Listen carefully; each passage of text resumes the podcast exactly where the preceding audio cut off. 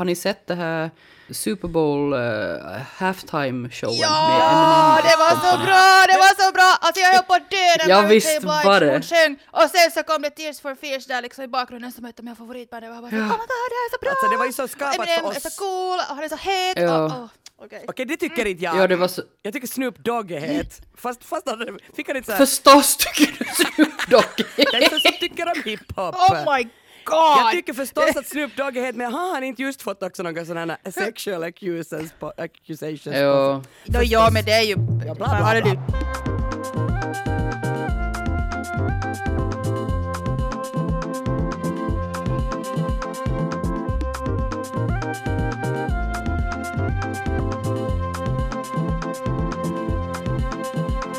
Välkommen till Sällskapet, en kulturpodd med samhällsperspektiv.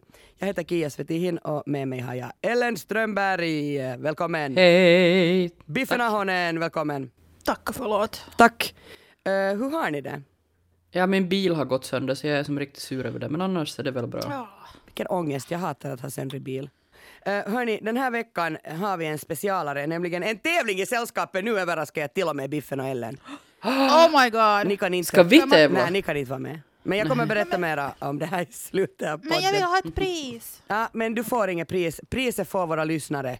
Du får alltså höra i slutet på den hur man kan vara med och vinna. Eller okej, hur man ska tävla och sen kan man vinna. Har ni sett den här Netflix-dokumentären som alla tycks prata om nu, The Tinder Swindler? Herregud, ja! Svar ja. Eh, jo, i början av februari kom den och den har redan blivit en ganska stor snackis. Den kretsar alltså kring eh, den här bedragaren Simon Levajev. Och sen handlar det om liksom hur han lurar sina offer på deras livsbesparingar.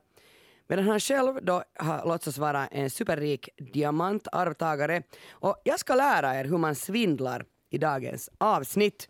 Ellen, vad tänker du prata om? Jag tänker prata om uh, bimbon och bimbofication.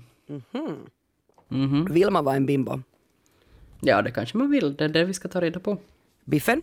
Eh, Jag har, jag har tittat på andra säsongen av finlandssvenska uh, serien Vakuum. Vakuum. Jag antar att det sägs vakuum. Vakuum. Men de sk- skriver det vakuum. Så vakuum. Men man skriver, hur skriver man vakuum? Man skriver väl inte Jag- med två un? Jag skulle så skriva Alltså, jag är inte helt säker på att man inte gör det faktiskt. Se nu, Ah. det kan nog hända att man... Jag borde kanske veta Men- det här, men nåja. Men man säger väl det vakuum? Jo, den heter Vakuum. vakuum. Ja. Jag tror, Vakuum, vet du vad. Biffen, jag tror man skriver den V-A-K-U-U-M. Han möter sina offer, det vill säga flickvännerna, på datingappen Tinder. Därefter överöser han dem med lyxmiddagar, hotellnätter, resor i privatflyg. De här kvinnorna tror att de har hittat sin livsman. Dessutom är han rik och jätteförmögen businessman. Eh, businessman. Och det, det, det som man bara inte vet om nu är att det är hela tiden andra kvinnor som han har lurat som betalar för den här överdådiga lyxen som de här nya kvinnorna upplever. Alltså vad vi pratar om här nu är ett otroligt välfungerande Ponzi-bedrägeri. Har ni hört om Ponzi-scheme förut? Mm, Såklart. inte förrän jag såg dokumentären. nej. Nå, det är alltså en form av investeringsbedrägeri som attraherar investerare genom att utlova hög avkastning. Men istället för att genera, genera liksom verklig avkastning på insatt kapital så använder man det här till utbetalningar och håller liksom hela bedrägeriet igång. Jag har hört om ponzi-schemes men speciellt nu i den här Tinder Swindler så lär man ju sig om vad det är. Men hörni, nu vill jag höra, vad tyckte ni om Tinder Swindler då? Alltså dokumentären. Alltså jag blev ju imponerad. Och så tänker jag också att vilken låg ribba det är för män att få kvinnor att falla för dem, för han är ju inte snygg. Ja. Och Nej, han är ju inte så liksom- jäkla slibbuga! Ja, Slimu-faffa. jag, ja, ja, men alltså jag tänker att, alltså, och de här, de här brudarna som har liksom blivit lurade av honom, de verkar ju liksom smarta och välberesta och liksom, jag vet inte, ja. Och så, de var jättesöta allihopa. Och så är han en sån här liten 1,50 centimeter, vad heter det? Slimu. Jag kan inte prata. Slimu, alltså, Ja. han är verkligen slimu. Ja! Mm. Skulle ni, skulle ni jag- swipa, swipa liksom, eh, vad heter det, swipe right eller left? Absolut inte. Nej, skulle inte. Det, usch. Nej, alltså det är ju lätt att säga det nu. Jag menar, nu har man ju liksom... Inte det är ju som att jag har enbart dejtat oslämmiga människor. Eller, men, men han är inte riktigt min typ för att... Jag gillar ju för sig jag, jag har inte här liksom att män behöver vara längre än mig. Jag gillar ju att se korta, men jag tycker inte riktigt om brunetter. Så det är det. Ja, Mm. ja, ja, jag, jag måste säga att, att det som ju, ja, de här brudarna föll för, föll inte jag för. Alltså det här att han är så rik tycker jag alltså att det är väldigt oattraktivt. Ja, det är samma, samma. Ja, nej, alltså det är ju också... Det är ju en fördel med att ha ganska sådär... Eh, vad ska man säga? Falla för trasiga, fattiga människor. Mm. Det, är ju, ja, det är ju sällan någon som låtsas vara fattigare än vad de är. Nej, nej. Äntligen, äntligen någon fördel med att liksom bara dejta basister. Mm. Precis, exakt. Hörni, men om ni inte har sett Tinder Swindler så ska jag kort bara berätta, det här handlar den om. Eh, Det är en två timmar lång dokumentär. Den handlar om en israelisk bedragare som på riktigt heter Shimon Yehuda Hayut. Och i dokumentären alltså går han vid namnet Simon Levajev. Genom året har då den här Shimon Hayut lurat flera kvinnor eh, runt om i världen. Alltså vi talar väl, alltså jag vet inte hur många, 50 kanske? Eh, men, men vad han har gjort är att han har främst faktiskt lurat eh, kvinnor i Norden. Och hans tillvägagångssätt följer en sån här utstakad mall. Och det han gör är att han målar upp en bild av sig själv som mångmiljonär. Och den här The Tinder Swindler den baserar sig helt och hållet på den norska dagstidningen VG, alltså Världens Gangs avslöjande om Shimon Hayut från 2019. Och det är en otroligt bra artikel. Jag sätter den förstås med i referenserna på arenan. I den här dokumentären får man då följa med tre kvinnor. De har alla lurats att låna ut pengar till den här väldigt manipulativa bedragaren. Shimon Hayut hävdar att han var arvtagare till ett diamantföretag men sen behöver han låna pengar eftersom han har så jättemånga fiender som hotar honom. Ja, han är ju så övertygande nog. Eh, men innan nu det gick så långt att Shimon Hayut har lyckats förföra för de här kvinnorna med lyxiga hotell, dyra restaurangbesök och flygresor i privatjet. Han liksom snärjar dem genom att ge helt otroliga presenter och en glamorös livsstil. Det han lyckades med, liksom, eller haken tycker jag liksom här är det att det såg ut som att han själv betalade för spektaklerna. Alltså att när han bjöd någon på någon lyxmiddag middag eller typ flög med sin privatjet till Bulgarien så betalade han ju för det. Men alltså på riktigt var det ju de här andra i sin ponzi scheme. Så var det de här andra kvinnorna som han höll på att lura samtidigt som betalade för det. Och alltså lyssna på den här huisiga summan. 10 miljoner dollar är vad man tror att han har lurat av de här kvinnorna. Alltså det är helt sjukt. Det är Alltså, det är helt så sjukt. galet mycket. Det är så mycket pengar. Jag tycker att den här dokumentären var helt okej, liksom underhållningsnivån var hög men jag vet inte om ni håller med mig men där i början så kändes det som en sån här en, en, en i raden av de här dokumentärerna som görs på för allt för liten budget och som bara vill chockera. Vet ni såhär, Nelia D dokumenti. Alltså, Mm. ja. Men sen blev det bättre. Och, och det där, men, men en grej här med den här dockaren, att när den var slut så hade jag om möjligt ännu mera frågor än före. Alltså det var mycket Jo. trådar som blev löst hängande. Ja, men också för att han är väl liksom, nu vet jag inte, ska man spoila eller inte här nu? Men Ja, alltså nu kan vi säga så här att, att nu ni som lyssnar, så det, det är ju roligare om ni har sett dokumentären, men inte, jag tänker inte spoila något så här extremt, alltså det står ju så mycket om honom överallt. Nåjo, okej, jag tänker att man får nu, får, nu kan ni muta om inte ni vill veta, men alltså han är ju på fri fot ännu. Eller det är ju det jag tycker kanske som lämnar som mest sådär, eller på fri fot ännu, han har väl varit dömd men han är väl fri igen. Eh, och Men att, hur liksom Ja. fungerar det där? Det- är väl liksom att för att de här kvinnorna har ändå frivilligt gett sina pengar åt honom. Så då går det väl inte liksom riktigt att göra något åt saken för Mm. det är ju inte... De, Ja, de liksom har ju som- gått med på det. De, de blir också i princip väl då, alltså de är ju, de blir, de är ju också medskyldiga. Nåja, hej, men jag, jag undrar, alltså precis så som ni, var är Shimon Hayut just nu? Alltså är han i Helsingfors igen? Nej, eh, jag tror faktiskt att han är i Tel Aviv, men jag kommer till det. Eh, vad hände med hans ryska supermodellflickvän som fanns med i dokumentären? Men framför allt, detta som har jäckat mig sen jag såg den. Den här finska kvinnan.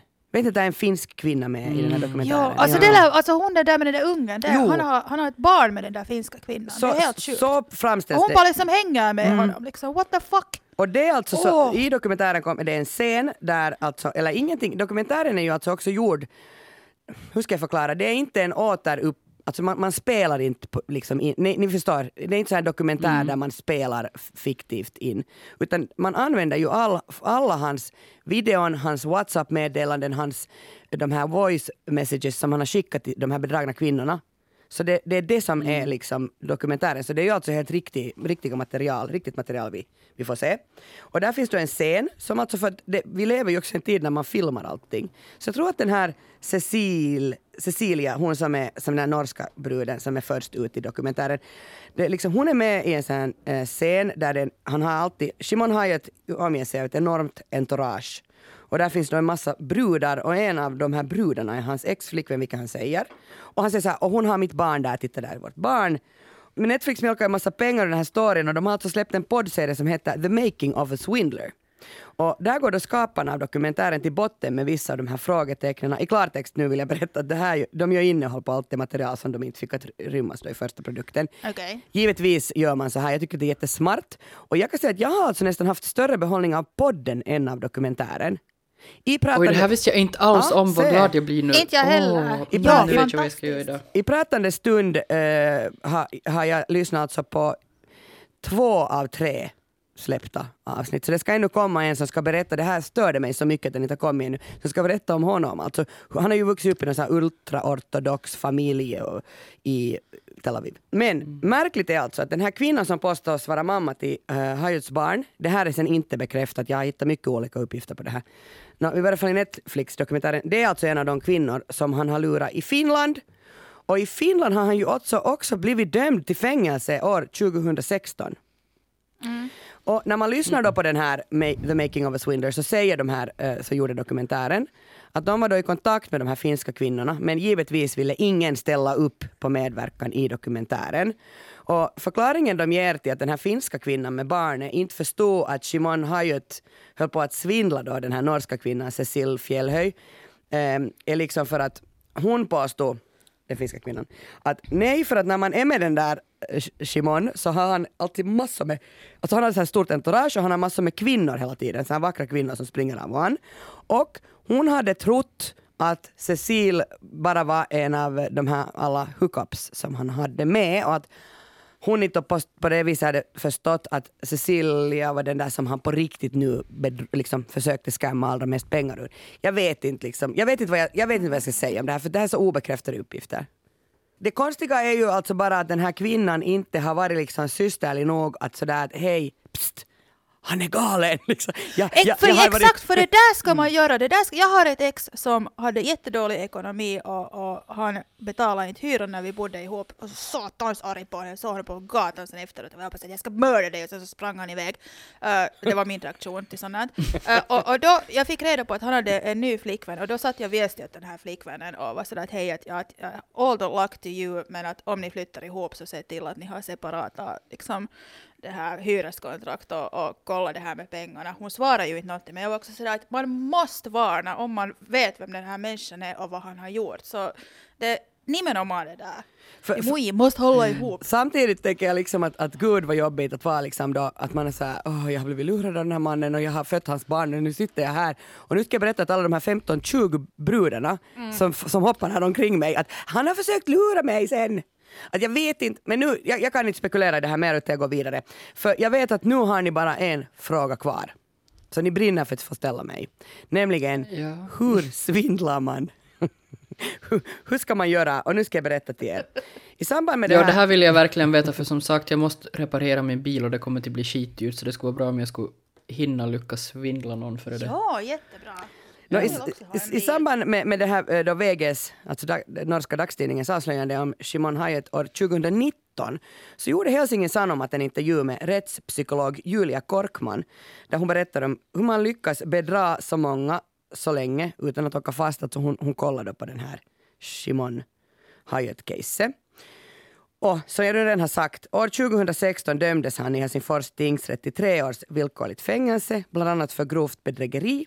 I Finland lurade eh, Shimon Hayat 200 000 euro av tre kvinnor, av tre kvinnor och samt pengar av en av de här kvinnornas föräldrar, nå 13 000 euro. Det är nog jätte, alltså jätte, jätte snusk, alltså snusk är äckligt. Åh, han är äcklig. Um, att få någon att bli förälskad eller förtjust är då kärleksbedrägarens viktigaste verktyg. Och till Helsingin Sanomat så säger då rättspsykolog Korkman att eh, Hayet eh, är väldigt skicklig och han utnyttjar alltså det faktum som kärlek gör att de här områdena i hjärnan som vanligtvis får oss att känna då både rädsla och ångest, så när vi är kära så passiveras de och det vet en sån här bedragare. Och man vet också att, att hjärnan skapar kemikalier som ger oss eufori och en känsla av djup tillfredsställelse. Och det här alltså gör att vi, vi, liksom, vi tror att vi är odödliga och vi, gör, vi är ganska orädda när vi är kära. Det resulterar i att vi inte klarar av att uppskatta risker lika bra som i ett så kallat normaltillstånd. Nå, också i podden The Making of a Swindler så pratar eh, de här skaparna med en rättsmedicinsk psykolog som heter Kerry Danes. Och hon har jobbat med många kriminella och är specialiserad på att just ta sig in i huvudet på sådana här, alltså han är ju en psykopat, eh, sån här bedragare, som Shimon Hyatt. Och hon säger att, att den här eh, Shimon är ett helt klassiskt case, men han är otroligt skicklig, alltså en, en skicklig eh, bedragare och väldigt manipulativ. Och jag tycker också att det säger, alltså jag har ju lyssnat så mycket nu om olika, alltså olika kvinnor som har kommit fram och berättat om, alla äh, enas om en sak, att han är jättetrevlig. Att de har så roligt med honom. Alltså han är liksom, den där ena Pernilla, eller, äh, svenska Pernilla i, i dockaren, hon är ju bara hans vän. Och hon säger så att, mm. hon, efter en dag var hon sa bara Jesus jag hittade min bästis liksom. Han är så kiva. Det är bara manipulativ. Mm. Han är bara manipulativ. Nåja, Eh, förr i tiden, ni tänker eh, innan internet, då, om man skulle få ut och bedra någon, så då måste man ju typ få på någon fest och sen så måste man på den där festen eller tillställningen luska ut att vilken kvinna är lättast att få i fällan. För jag tror också att det är en speciell typs människor, alltså snälla mm. människor, människor som tror gott om andra, som är lättare att lura. Eh, idag är det annorlunda. Var man än befinner sig med internet eller med, med nätuppkoppling och har en datingapp tillgänglig så kan man lura folk Alltså internet har blivit guldgruvan på så många sätt då det gäller bedrägerier, men speciellt kärleksbedrägerier. Så vad han gjorde då, Shimon Hayut, var att han utnyttjade till precision de här olika stadierna som man går igenom vid en förälskelse. Och han börjar med så kallad här love bombing, det vill säga att man blir överöst med kärlek, presenter, löften om framtiden av en person som är kärleksfull, omtänksam och verkar förstå en helt och hållet. Och det här sker väldigt intensivt och väldigt kort in i relationen. Alltså, till exempel redan på andra dejten så kan den här personen säga att jag älskar dig. Ska vi ta och lyssna? Mm. Uh, ja. Wanna spend some time together, go to a warm place, be together, oh, kiss you, hug you, squeeze you, touch your bum, make love to you. Yeah, it will be alright. Soon we'll have more the time in the world, so everything will be fine. How was your day? How do you feel? Varje dag, varje dag, varje dag skickar han de här. Varje alltså, dag, varje dag. det största problemet jag har är ordvalet touch your bum. Alltså vad? Nej. Nej. Nej, nej, nej, cringe, cringe. Oh, nej, nej, nej, nej, nej. Det där är första stadiet. Hur kan någon gå på det där? Men sen alltså han, och varje dag, varje dag, varje dag. I love you, yeah, I want to have kids with you, vet du. Nåja, sen jo. så ska man vara mystisk och man ska spela rollen av att vara svåråtkomlig. Det här är jättetydligt med Shimon. Han spenderar ju inte lång tid med den här kvinnan utan han ska hela tiden iväg. Han är så, så ADHD i huvudet att han flyger, liksom, han är någon timme bara sen ska han på nästa business meeting till ett annat land. Och, och det där osäkerhet, det är bra valuta för bedragaren. Ju mindre den förälskade kvinnan får se av sin stora nya kärlek, desto mer blir hon också känslomässigt involverad. Alltså det är så galet att det går åt det hållet. Mm. Ändå, trots de här flyktiga och korta träffarna, för man tänker också så här, men blir inte den här kvinnan bara jätteointresserad när han är så svår? Ja. Nej, för att han håller ju det där förhållandet i liv genom att konstant vara i kontakt Ah, han skriver ju hela tiden. Alltså den dockaren är ju eh, gjord så att, att det bara plingar hela tiden. Pling, pling, pling, pling så kommer det.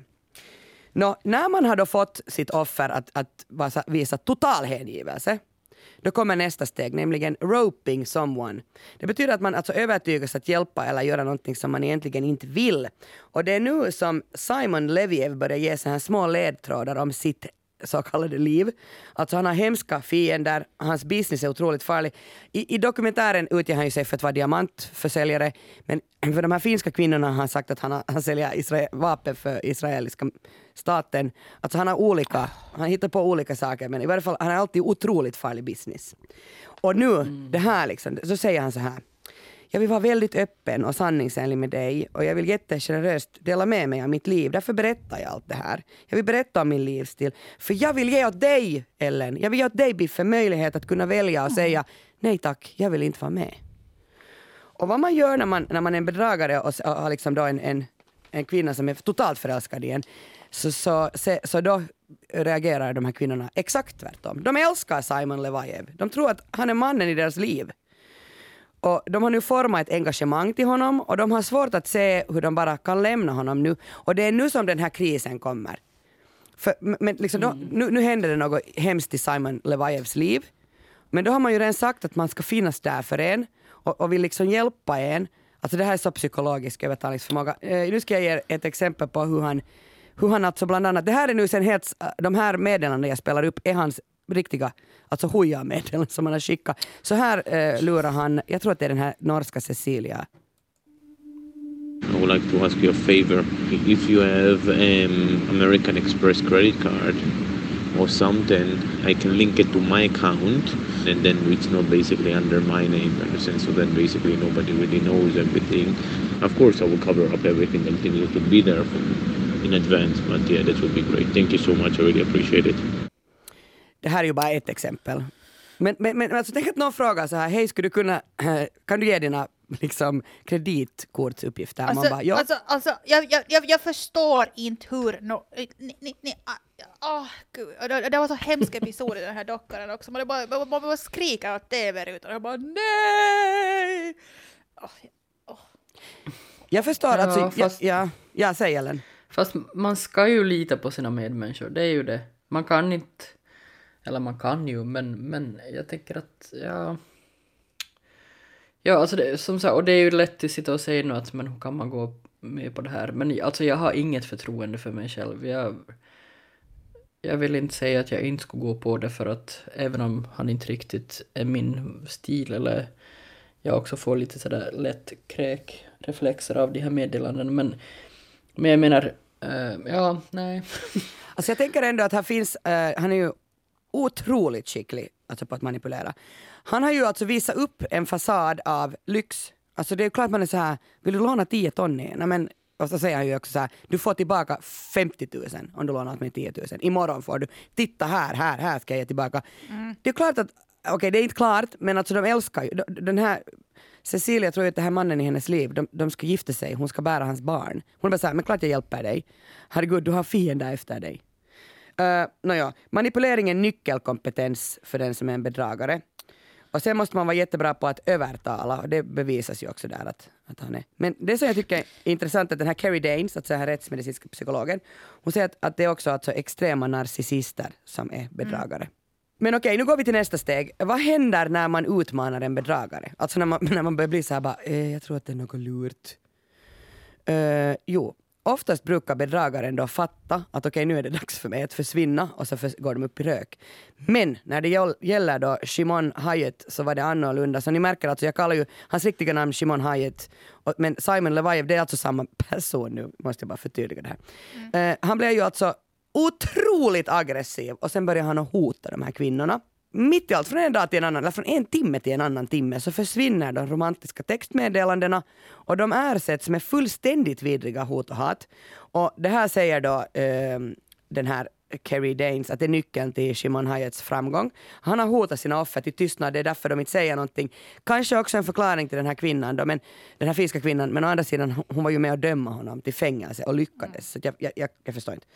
Eh, men hej, jag tycker att vi tar och lyssnar. Eh, det här är nu ett ganska långt klipp, men här, nu får vi höra, alltså, han är ju psykopat, så här kommer alla hans multipla personligheter fram. Och så här kan det alltså låta. Stop with all this crap.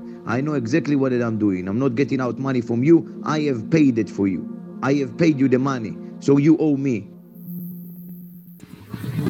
So do your part in the deal and you will get you the money. You don't want to do it, so basta, bla- I will block you, I cut off the phones, cut off everything, go to the police and go, that's it. Enough, it's enough. That's it, I cannot anymore. Look, Eileen, I'm sorry about everything. Look, I love you from the bottom of my heart, and I'm sorry. Look, I don't do anything bad. You stealing from me. You playing with me. You are fucking home. Stop fucking lying to me in my fucking face for a month. I don't want to ask nobody. It's mine and I'd come in and get it. I am. With you or without you. You choosing. You want war? You will get fucking war. You will get fucking war. Ah, Alltså jag skulle inte vilja ha ett sånt här telefon, eh, med, ett sånt meddelande på min telefon alltså. Det är Nej, så verkligen obehagligt. Alltså som, fortfarande, jag kan liksom inte understryka det här tillräckligt mycket. Det här är alltså riktiga meddelanden som man har skickat. De här kvinnorna bara aldrig gjorde sig av med dem. De är så smarta! De här tre kvinnorna som alltså fäller honom i den här dokumentären, jag tänker nu inte avslöja hur, men alltså bara titta på den här dokumentären. Det, de är jätte, jättemodiga också. Men det är ju också Jo. det som är så weird för att de är alla så här supersmarta och man är liksom såhär hur har ni kunnat liksom falla för det här? Att det är nog... Kärlek! Ja. Jag säger att det är kärlek. Kärlek. Det är kärlek. Och att, att man utnyttjar det. 2019 var eh, Simon Levajev registrerad i minst 20 länder i Europa. Han var efterlyst i ett flertal länder, bland annat Israel, England, Danmark, Tyskland, Sverige och Norge. Innan han till slut greps i Grekland samma år. Och i Finland har han ju tidigare dömts för bedrägeri och till och med suttit i fängelse.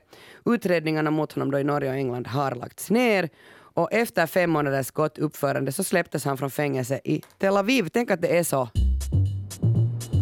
Jag ska börja med att fråga vad ni tänker på när ni hör ordet bimbo. Eller vem eller vad tänker ni på? Paris Hilton. Typ jag och Pamela Anderson, alltså lite sådär att man gör sig dummare än vad man är. Alltså man märker att det också är liksom en, en mask. Och Taika Mannilas nya podd Bimbofikatio. Mm, bra. Det här, eh, vi kommer tillbaka till det där. Eh, ja, alltså bimbo är ju inte något nytt, eller det är ju inte något nytt ord, det är ett gammalt ord som har, alltså i början när man använde bimbo på typ så här 1700-1800-talet så handlade det faktiskt om, eller så avsåg man en man som var lite korkad och dum. Men det var en, alltså bimbo var en, ett ord man använde för män tidigare. Men eh, från och med typ 1920-talet ska jag säga, eftersom vi är på 20-talet nu igen, så har man börjat använda bimbo liksom om unga kvinnor. Och då, och det som ni tänker på, alltså Pamela Anderson och, och Paris Hilton och så, eh, så den, eh, den, eh, den här klassiska bimbon som, som finns idag, eller som man tänker på idag, så det har man kanske liksom, den uppstod på 80-talet, ska jag säga. och precis som ni sa så är- Marilyn Monroe, ja. är det, det är väl en bimbo? Eller? Hon det är äldre. verkligen en bimbo. Men, men hon är ju liksom på Ja. 60-70-talet. På 50-talet? Nej, typ. förlåt. Jo, alltså, men jag... Ja, och som sagt, alltså man använde ordet bimbo då, men liksom... Eh, vad ska jag säga, bimbon fick en, eh, en uppgång på 80-talet. Kanske. Just det. Ja. Ehm, Just med, med Pamela Anderson och, och Anna Nicole Smith, min personliga Ah, favoritbimbo. Ja, Och, eh, men också på 90-talet och 2000-talet med Paris Hilton och Kim Kardashian och, och alla de här. Legally Blonde handlar ju mer eller mindre om en bimbo. Och så om man vill ha svenska exempel så en väldigt tidig svensk bimbo så är ju Lill-Babs. Eh, men också ja, Victoria Silvstedt och systrarna Graf sådär på senare år. Eh, så det är ju som, jag tror alla liksom har någon, liksom lite koll på hur en bimbo ska vara eller se ut. I år så gör bimbon alltså en comeback, en bimbon 2.0 kan man säga. Eh, och det här är just då eh, mm, tack vare, eller vad jag ska säga, ett, eh, det här begreppet bimbofication. Precis som Taika Mannilas podd heter, men på finska då. Har ni hört talas om att det här är, är på gång? Jag har, inte, Ja, jag har har- inte hört talas om det men alltså nu när, när du säger Biffen att, att Taika Mannilas nya podd heter Bimbo... Vad sa du? Bimbo. Bimbofikatio. Så det där är det ju liksom, alltså det är tydligen det man ska prata om nu, tänker jag. Jo, det, jag, är som, jag är som vanligt väldigt trendkänslig i den här podden. Eh, den här trenden eh, är stark på sociala medier, speciellt på TikTok kanske. Och där kan man söka på, sök på bimbo så hittar man en massa olika, en massa content. Hela den här trenden handlar om att spela på gamla idéer om bimbos och så här, hyperfeminitet och att vara ganska så sexualiserad och eh, liksom att vara ett ett så här storögt blinkande objekt på något sätt. Eh, samtidigt som man kombinerar det med så här moderna ställningstagande och ganska så här intellektuella åsikter eller vad jag ska säga liksom. Eh, den moderna bimbon eh, stöttar givetvis Black Lives Matter, den moderna bimbon stöttar givetvis, eller eh, använder sig av uttryck som all cops are bastards. Eh, och eh, är pro-choice och ganska ofta liksom vänsterinriktad. Jag skulle säga att det låter ju som en, en, en vänsterpolitiker det här nu. Ja men precis, alltså Bimbon utmanar väl allting som kan tänkas vara konservativt. Även liksom hur, ma- alltså hur en intellektuell människa ska se ut. Dels kan det vara en motreaktion mot internetjargongen av att jag är inte som alla andra tjejer, jag är liksom, jag är cool. Eller vet ni den här Pink-låten, den här Stupid Girls? Ja, ja. Jag tror att bimbofication är liksom en, en, eh, en motreaktion mot att uh, just den här slutshamingen och det som har liksom ändå pågått både tjejer emellan men också liksom förstås över könen på något sätt. Eller så är det kanske en motreaktion mot, mot de slitningarna som har på något sätt funnits inom feminismen där man kan liksom bli cancellad för minsta lilla snedsteg eller vet du, liksom så att man måste vara den perfekta feministen och så plötsligt kommer bimbon och är bara sådär inte det, men ändå, ja. Men, men är det meningen att bimbon ska vara dajo? Vad, vad menar du med dajo? Men liksom att man är såhär, ah, jag förstår ingenting, jag är en bimbo. Att, så här, att det är tomt. Alltså det, meningen är väl att man ska liksom lite spela på det och att man på något sätt, jag tänker på bimbon som en lite så här trojansk häst. Att man är sådär, oj nej men jag som är så snäll och söt och dum och jag är väl inget hot mot någonting och sen slår man liksom från underläge med någon sån här, jag vet inte, citera Marx eller vad de nu gör ja. Ehm, ja, och det här uttrycket bimbofication, så det kan ha lite så här olika betydelser. Alltså, i grunden så handlar det om att man, att, en, att om man genomgår en bimbofication så gör man liksom en glow-up, att man blir liksom en process av att bli mycket snyggare eller attraktivare eller så. Alltså det till exempel så här klassiskt som att när den nördiga tjejen tar av sig glasögonen och släpper ner håret så visar det sig att hon är jättesnygg. Det är en bimbofication. Eh, men eh, man kan också prata om bimbofication liksom på ett mer allmänt plan. Som liksom att feminismen har genomgått en bimbofication. Eller håller på att genomgå en bimbofication de här senaste åren då. Tack vare de här, bland annat de här influencers på TikTok. Eh, och Bimbon har liksom blivit någon slags förkämpe för mänskliga rättigheter. Och en, liksom, en feministisk ikon som kan liksom klättra på barriärerna i stripper heels. Och det här kan man ju tycka vad man vill om, men jag tänkte att vi skulle höra lite på vad en av, eh, eller kanske hon som är störst på Bimbotok, alltså Bimbo-sidan av TikTok, säger om Bimbon. Hon heter Chrissy Klapeka med reservationer för uttal. Och eh, hon berättar så här i ett klipp. Who is a bimbo? What is a bimbo? These are multiple questions that I have been getting from millennials. Who is the Gen Z bimbo? A bimbo isn't dumb. I mean, she kind of is, but she isn't that dumb. She's actually a radical leftist who's pro sex work, pro Black Lives Matter, pro LGBTQ, pro choice, and will always be there for her girls, gays, and theys. If you're homophobic, I'll castrate you. Listen, this is an inclusive organization. There's bimbos, thembos, himbos. I don't do this for the misogynistic male gaze. I do it for my gaze. And damn, my tits look good. It's about emotional Yeah. intelligence at the end of the day. And remember, we always step on Trump supporters. Vad, vad tycker ni om den här nya bimbon efter att ha hört det här och hört min försök, försök till förklaring?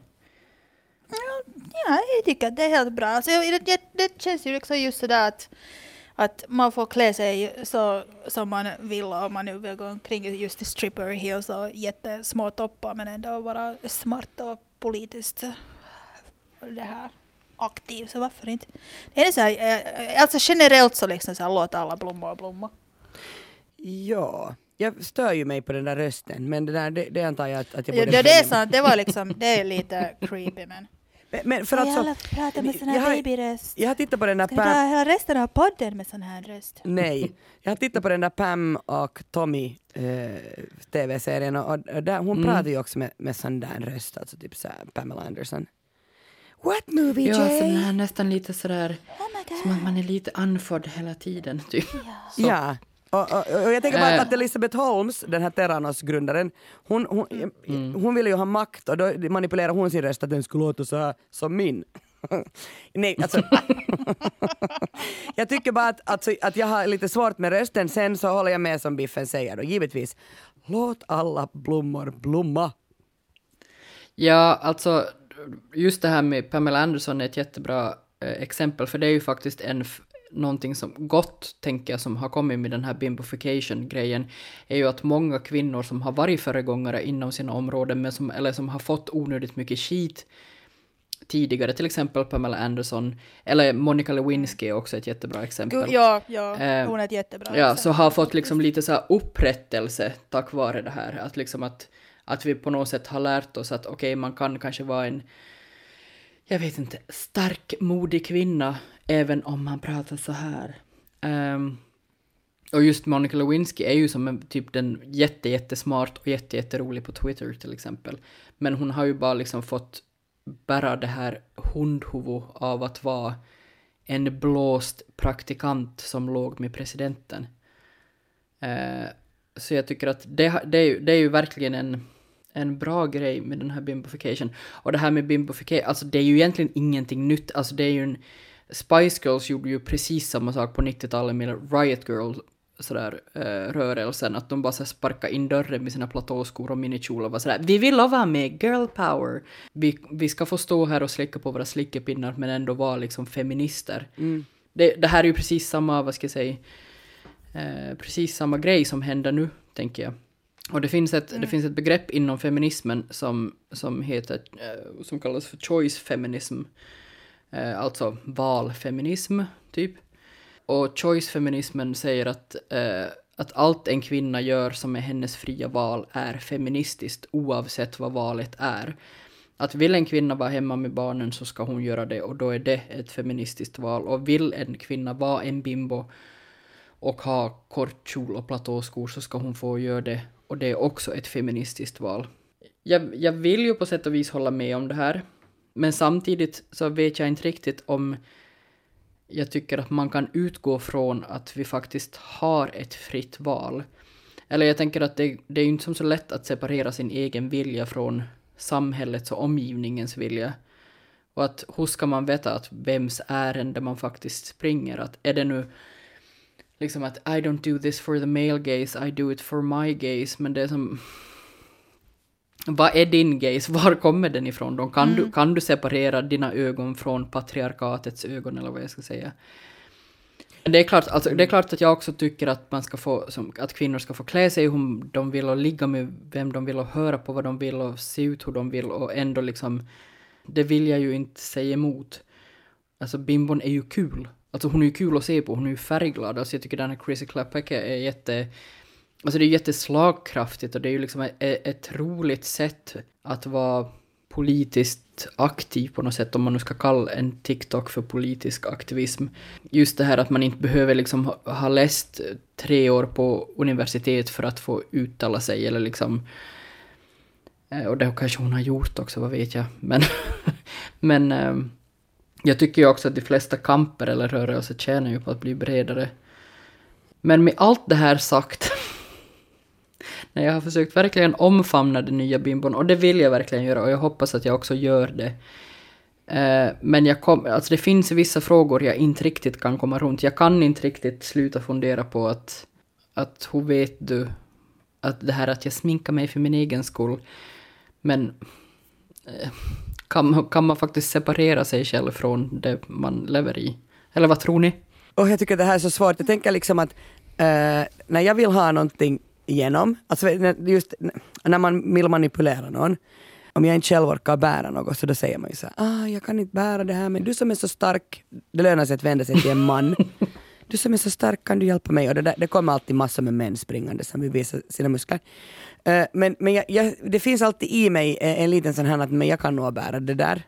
Så jag kanske var inte så bra på att vara en bimbo. Om, om, om bimbo var från början ett, ett, ett nedsättande ord för män som var alltså dumma. Var de attraktiva också? Attraktiva men dumma. Ja, jag tror det. Alltså lite sådär unga och, och, och dumma och, och, men ändå ju, just lite attraktiva. Lite attraktiv. Uh, alltså, jag menar, jag tänker också så här, man, man vill ju inte få epitetet bimbo. Alltså, jag, jag skulle inte vilja att någon skulle alltså- kalla mig det.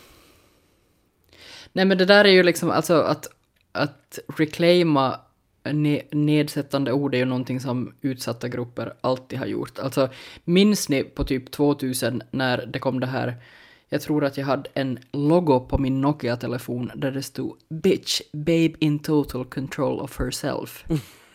Vet ni Ja. det här?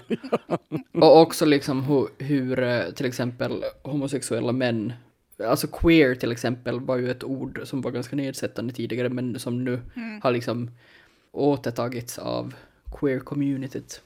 Jag kan inte låta bli att fundera, att bryr sig the male gaze om din minikjol och din urringning är subversiv eller inte, om, eller om din urringning är för din egen skull eller inte. Blev Spice Girls mindre objektifierade för att de skrek girl power? Och om man stänger av ljudet på Chrissy Klapeckas TikToks, vad är kvar? Vad finns kvar? Vad, är, alltså, vad kan det användas till? Och jag vill verkligen, alltså jag, jag tycker den här Chrissy Klapeka är jätterolig och jag vill inte liksom, eh, jag älskar Taika Manila och det är liksom, jag vill inte verkligen eh, skuldbelägga någon, men jag kan som inte, jag, jag kan inte riktigt, det är någonting som skaver för mig och jag, jag kan inte heller riktigt lägga fingret på vad det är. Men en annan fråga som jag också tänker är att måste alla val en kvinna göra vara feministiska? Eller måste alla val en feminist gör vara i linje med feminismen? Att kan man vara en feminist och vara ganska... Alltså just det här, för det är ju också en trend som vi har sett de senaste åren, just det här med att ja men Äh, smink är feministiskt, self-care är feministiskt, allting är feministiskt, allting säljs med en sån här liksom girl power-logga stämplat på. Men måste vara det då? Kan man inte vara feminist men ändå väl, alltså Ja, alltså, Ehm. du pratade ju herregud Ellen förra avsnittet du var med om den där Under kniven-serien, liksom att, att Mm. det är också en feministisk handling att vilja operera sitt ansikte och laga större tissar. Ja, men varför måste varje handling och varje val Ja. få en sån här godkänd av feminismen-stämpel? Ja, det är så Kan man inte få vara... Ja. Ja. Ja, precis. Nej, men precis. Att jag tror att liksom, det är kanske där någonstans som liksom problemet uppstår. Att, att man på något sätt vill ha en sån här... Det är okej, vad, allt vad man gör och allt vad man säger och allt vad man tycker om. För att om man kan inte vara en feminist och göra så att säga inom citationstecken dåliga val, utan allting man gör som feminist måste genomsyras av, ett feministiskt tänk. Och det är liksom det, jag tror det är en fälla. Men jag tror också att när jag försöker tänka på det här så tänker jag att att försöka hitta en identitet eller någonstans att stå i ett patriarkat som kvinna eller icke-man eh, så är det som, liksom, som att vara barn och försöka lösgöra sig från sina föräldrar. Att man revolterar mot allting man lärt sig. Lär man sig att Pink sjunger Stupid Girls så då, lär, alltså då revolterar man mot det och blir en Stupid Girl. Man går åt motsatt håll och man testar nya stilar. Men problemet är ju att ganska ofta, om inte förr så ungefär, när du börjar närma dig 35 så vaknar du en morgon och ser din egen mamma och pappa i spegeln när du, alltså som stirrar tillbaka på dig. Barn kommer alltid att fortsätta försöka lösgöra sig från sina föräldrar och kvinnor måste också fortsätta försöka hit- hitta de här kryphålen liksom i systemet och kanske hitta någon slags lucka av frihet att stå i. Men jag är bara rädd att man en dag vaknar upp och ser att det är patriarkatet som stirrar tillbaka i toalettspegeln. Okej, jag ska prata om Vakuum. Vakuum-serien. Nu, Eh, nu vill jag säga klargöra att, att vakuum skrivs med två un och uttalas Okej. vakuum, inte vakuum. Okej. Ett dajo. Kia. Okej, moderlära Kia. Tack, Mm. nu vet vi det här. Det, det är ett ord som man använder väldigt sällan. Jag är helt i ett vakuum. Jag är helt i ett vakuum. Mm. Jag är i mitt egna vakuum. Vi ska börja använda det där ordet mer. Ja. Det, alltså jag har kollat på säsong två av den finlandssvenska serien Vakuum. Vars eh, första säsong var ju ganska populär har jag förstått. Och sen har jag faktiskt också kollat på säsong två av HBOs hypade serie Euphoria. Eh, som också handlar om ungdomars liv. Så jag undrar ju lite sådär att kommer vi att se några likheter? Att det är liksom visuell prakt och otroliga trendkläder och massor med knark. Men, men inte riktigt. Eh, och- men jag, och jag kommer inte att spoila något nu om den här serien så att ni kan vara lugna för jag vill ju vi vill ju att ni ska kolla på den här serien, för vi hurrim, vi måste hålla ihop, tycker jag. Okej, okay, Vakuum handlar om, om Linnea som har flyttat till Helsingfors från Österbotten och hon går på Sossokom. Och, och, om man skulle slå ihop precis alla fördomar som folk har om oss finlandssvenskar så skulle man få Linnea. Hon är naturligt vacker, alla suktar efter henne. Hon kan inte finska, hon studerar på Sossokom, hon är politiskt aktiv, hon är lite småkåt hela tiden. Hon är intresserad av öppna förhållanden, trend alert och alla hennes kompisar bara peppar henne hela tiden. Linnea du är så ljuvlig och du är så cool och du är så, du är så härlig. Att, att Linnea bara så huippo-typ. Och man säger varför? Uh, förstår inte. Uh, hon har en sur campis som ordnar poesikvällar och rantar om feminism. Och så har hon en sån mega irriterande skolkompis som hela tiden vill att Linnea ska dejta alla heta män, inklusive lärare. Och det känns liksom att hela den här karaktären finns till bara för att bjuda män åt Linnea och sen så kan hon lite så klurigt svara att jag vill inte ha någon pojkvän.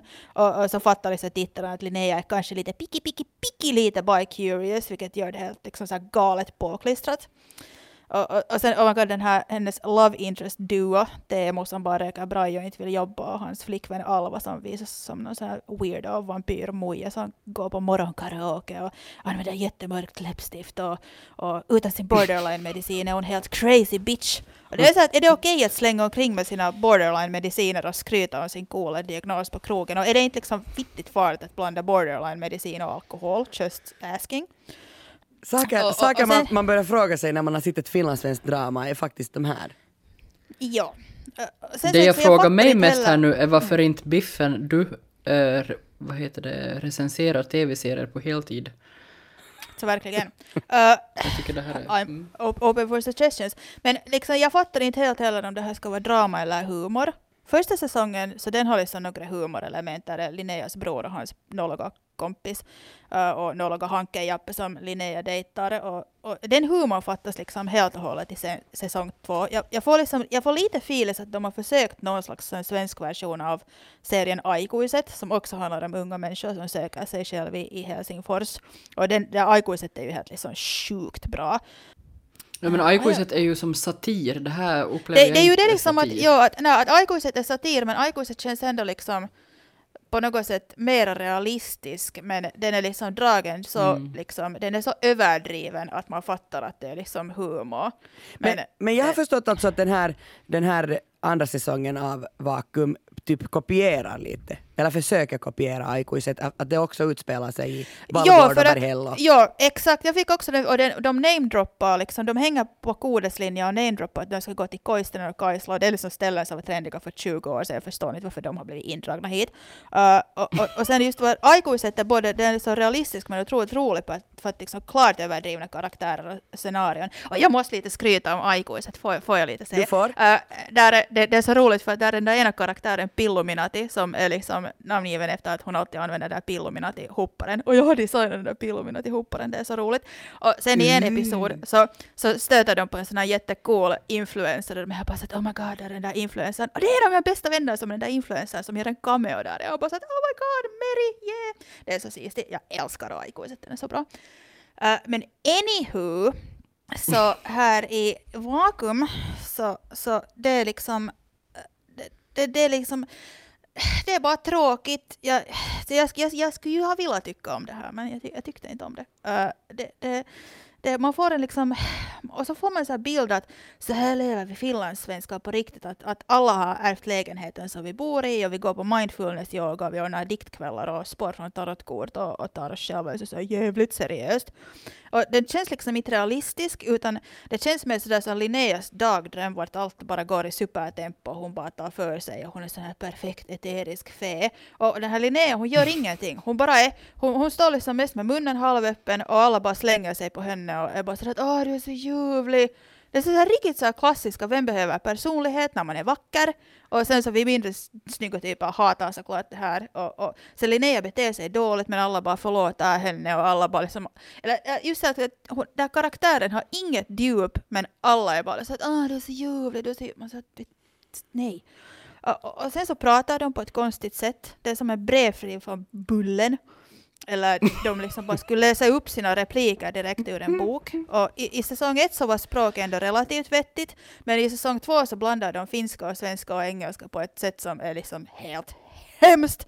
Uh, mitt agg mot det här kan såklart bero på att jag är jättegammal och uppvuxen med att lyssna på Ågot Ljungs trädgårdsprogram och HBLs onsdagskryss är min veckas höjdpunkt.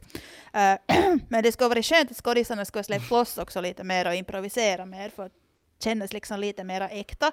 För det här är ett ganska allmänt fenomen i Finland. Kompisar som är skådisar säger att det beror på att teaterkulturen i Finland är jättestark och här finns inte någon skild filmskola utan alla går på teaterhögskolan. Mm. Ja, nej, jag vill bara säga att jag Säg va? tycker att äh, skådisarna, speciellt äh, alltså Siri Fagerud som spelar Linnea och äh, hon som spelar Ellen, som by the way vackert namn, men Ah. jag kommer inte ihåg vad hon heter, hon heter Vivi någonting kanske.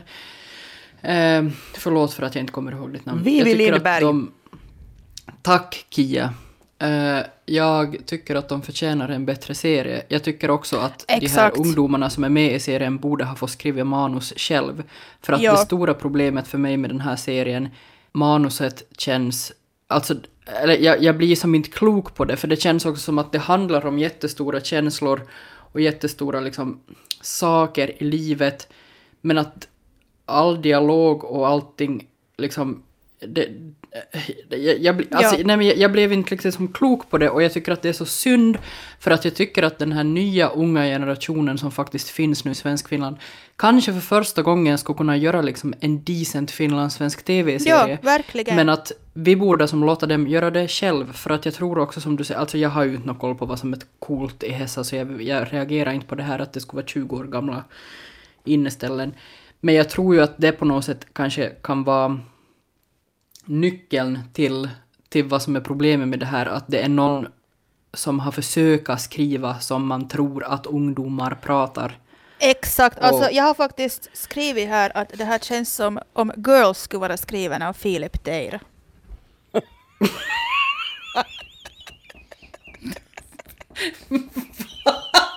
Jag tycker det var en... Eh, jag måste tänka en stund på den där liknelsen, men okej. Ja. Nej men jag, alltså, det är ju det här jag är rädd för. Alltså, jag kanske, alltså jag, jag, jag skriver ju ut en ungdomsbok eh, nu i vår. Och det är det här jag är rädd för att jag har gjort, att jag har skrivit någonting som alla som ser på kommer till vara sådär, eh, varför tror hon att hon vet hur 15-åringar pratar? Alltså det är ju, det är ju en... Ja, för, Man ska alltså, kanske inte vara är- så hård. Bo, bo, Ja, jag, nej, borde, alltså jag tänker det här med dialog, finlandssvensk dialog, det är fruktansvärt. Jag tycker inte ens liksom André Wikström i Solsidan, jag, jag köper det inte. Alltså det är, det är Nej, något, nej, men nej. jag, jag är ju själv finlandssvensk, har det med det att göra, jag vet inte. Ellen, är det inte så att du typ så här älskar ungdomsserier? Eh, du får mig att låta som en pedofil, men ja. Ja. För att så bara eh, kan jag då avslöja att jag avskyr ungdomsserier. Jag märker liksom att Euphoria, alla de här som, alla har ju sitt på Euphoria typ utom jag. Eh, jag, jag. Den enda ungdomsserie jag kan liksom nu jämföra med är Skam. Men å andra sidan, Skam är nog, aj vad den var bra.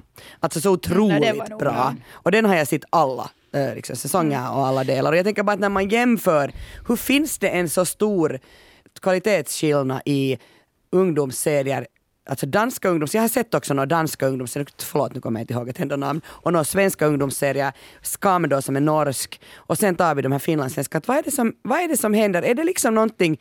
Alltså jag tycker också Siri Fagerud är ju jätteskicklig skådespelare. Att det är inte heller det, det, det är inte det det är frågan om. Alltså det är Men- frågan om att någonting skaver. Ja, och det som också här, tycker jag i det här vakuumet, att här är ingen som man riktigt kan identifiera sig med, att de är alla helt liksom likadana. Men att jag har kommit att tänka på att i Euphoria, som, den är ju starkt fiktiv, men äh, ändå har de här karaktärerna som man starkt kan identifiera sig själv med. De är operfekta, de har mycket problem, men de är ändå sjukt coola.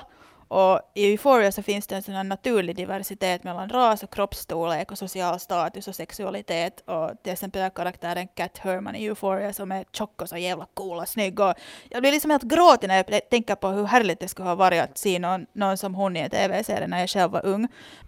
Nej, men jag tänker också att vi tre är ju inte heller kanske den direkta målgruppen. Alltså, Nej. Jag tror att skulle jag ha varit 15 och sett det här så skulle jag bara ha varit som... Alltså, eller för, jag tänker så här, dels så är vi ju ganska få i svensk Finland. jag har inte någon jättestor lojalitet mot finlandssvenskar sådär generellt, så det handlar verkligen inte om det. Vi har ju inte liksom samma, vad ska jag säga, vi har inte samma bas att ta av och jag tänker att inte bara finlandssvensk men också så här finsk TV känns som att vi bara nyligen har jag vet inte, hittat någon slags formel för hur man ska göra det. Alltså vi är ju bara som i startgroparna av... Ja. Exakt. det känns ja. som att Finland har varit ett sådär medialt u-land fram till typ 92.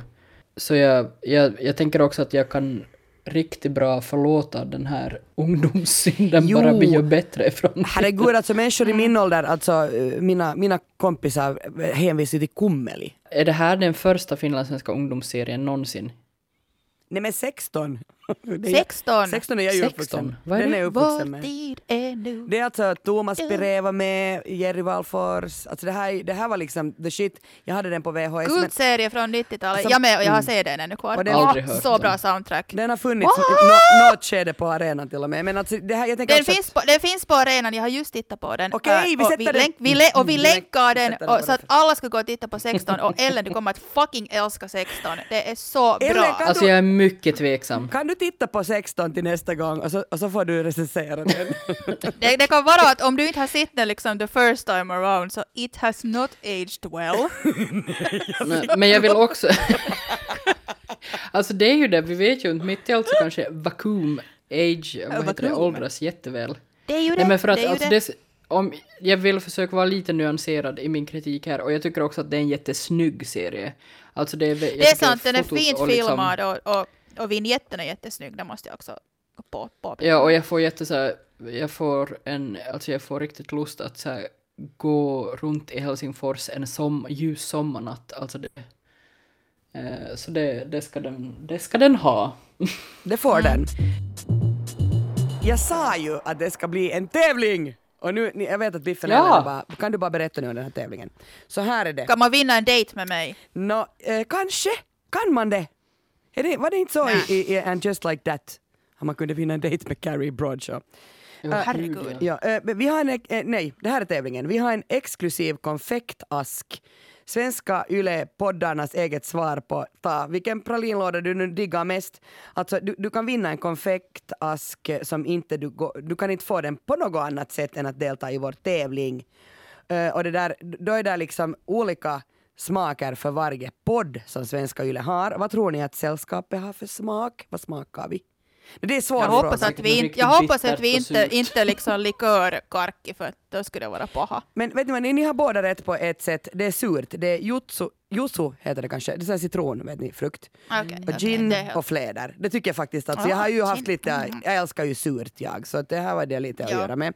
Så, så det där, men Mm. där finns liksom Tom, Ted och Kai, där finns uh, relationspodden och så vidare. Och, och det, det ni, enda ni behöver göra, kära lyssnare där ute, är att ni ska berätta för oss vad, vad ni skulle vilja att vi skulle ta upp för ämne i sällskapet. Och så får ni ju gärna skicka en bra motivering, alltså vad ska vi avhandla i sällskapet för ämne och varför? Och det här svaret så mejlar du till sällskapet.yle.fi och sen nästa vecka så får ni veta vilket bidrag som vann och om man nu inte vill att ens namn ska nämnas så ska man skriva med det där i samband med det så håller vi er anonyma. Men alltså man kan vinna nu den här konfektasken.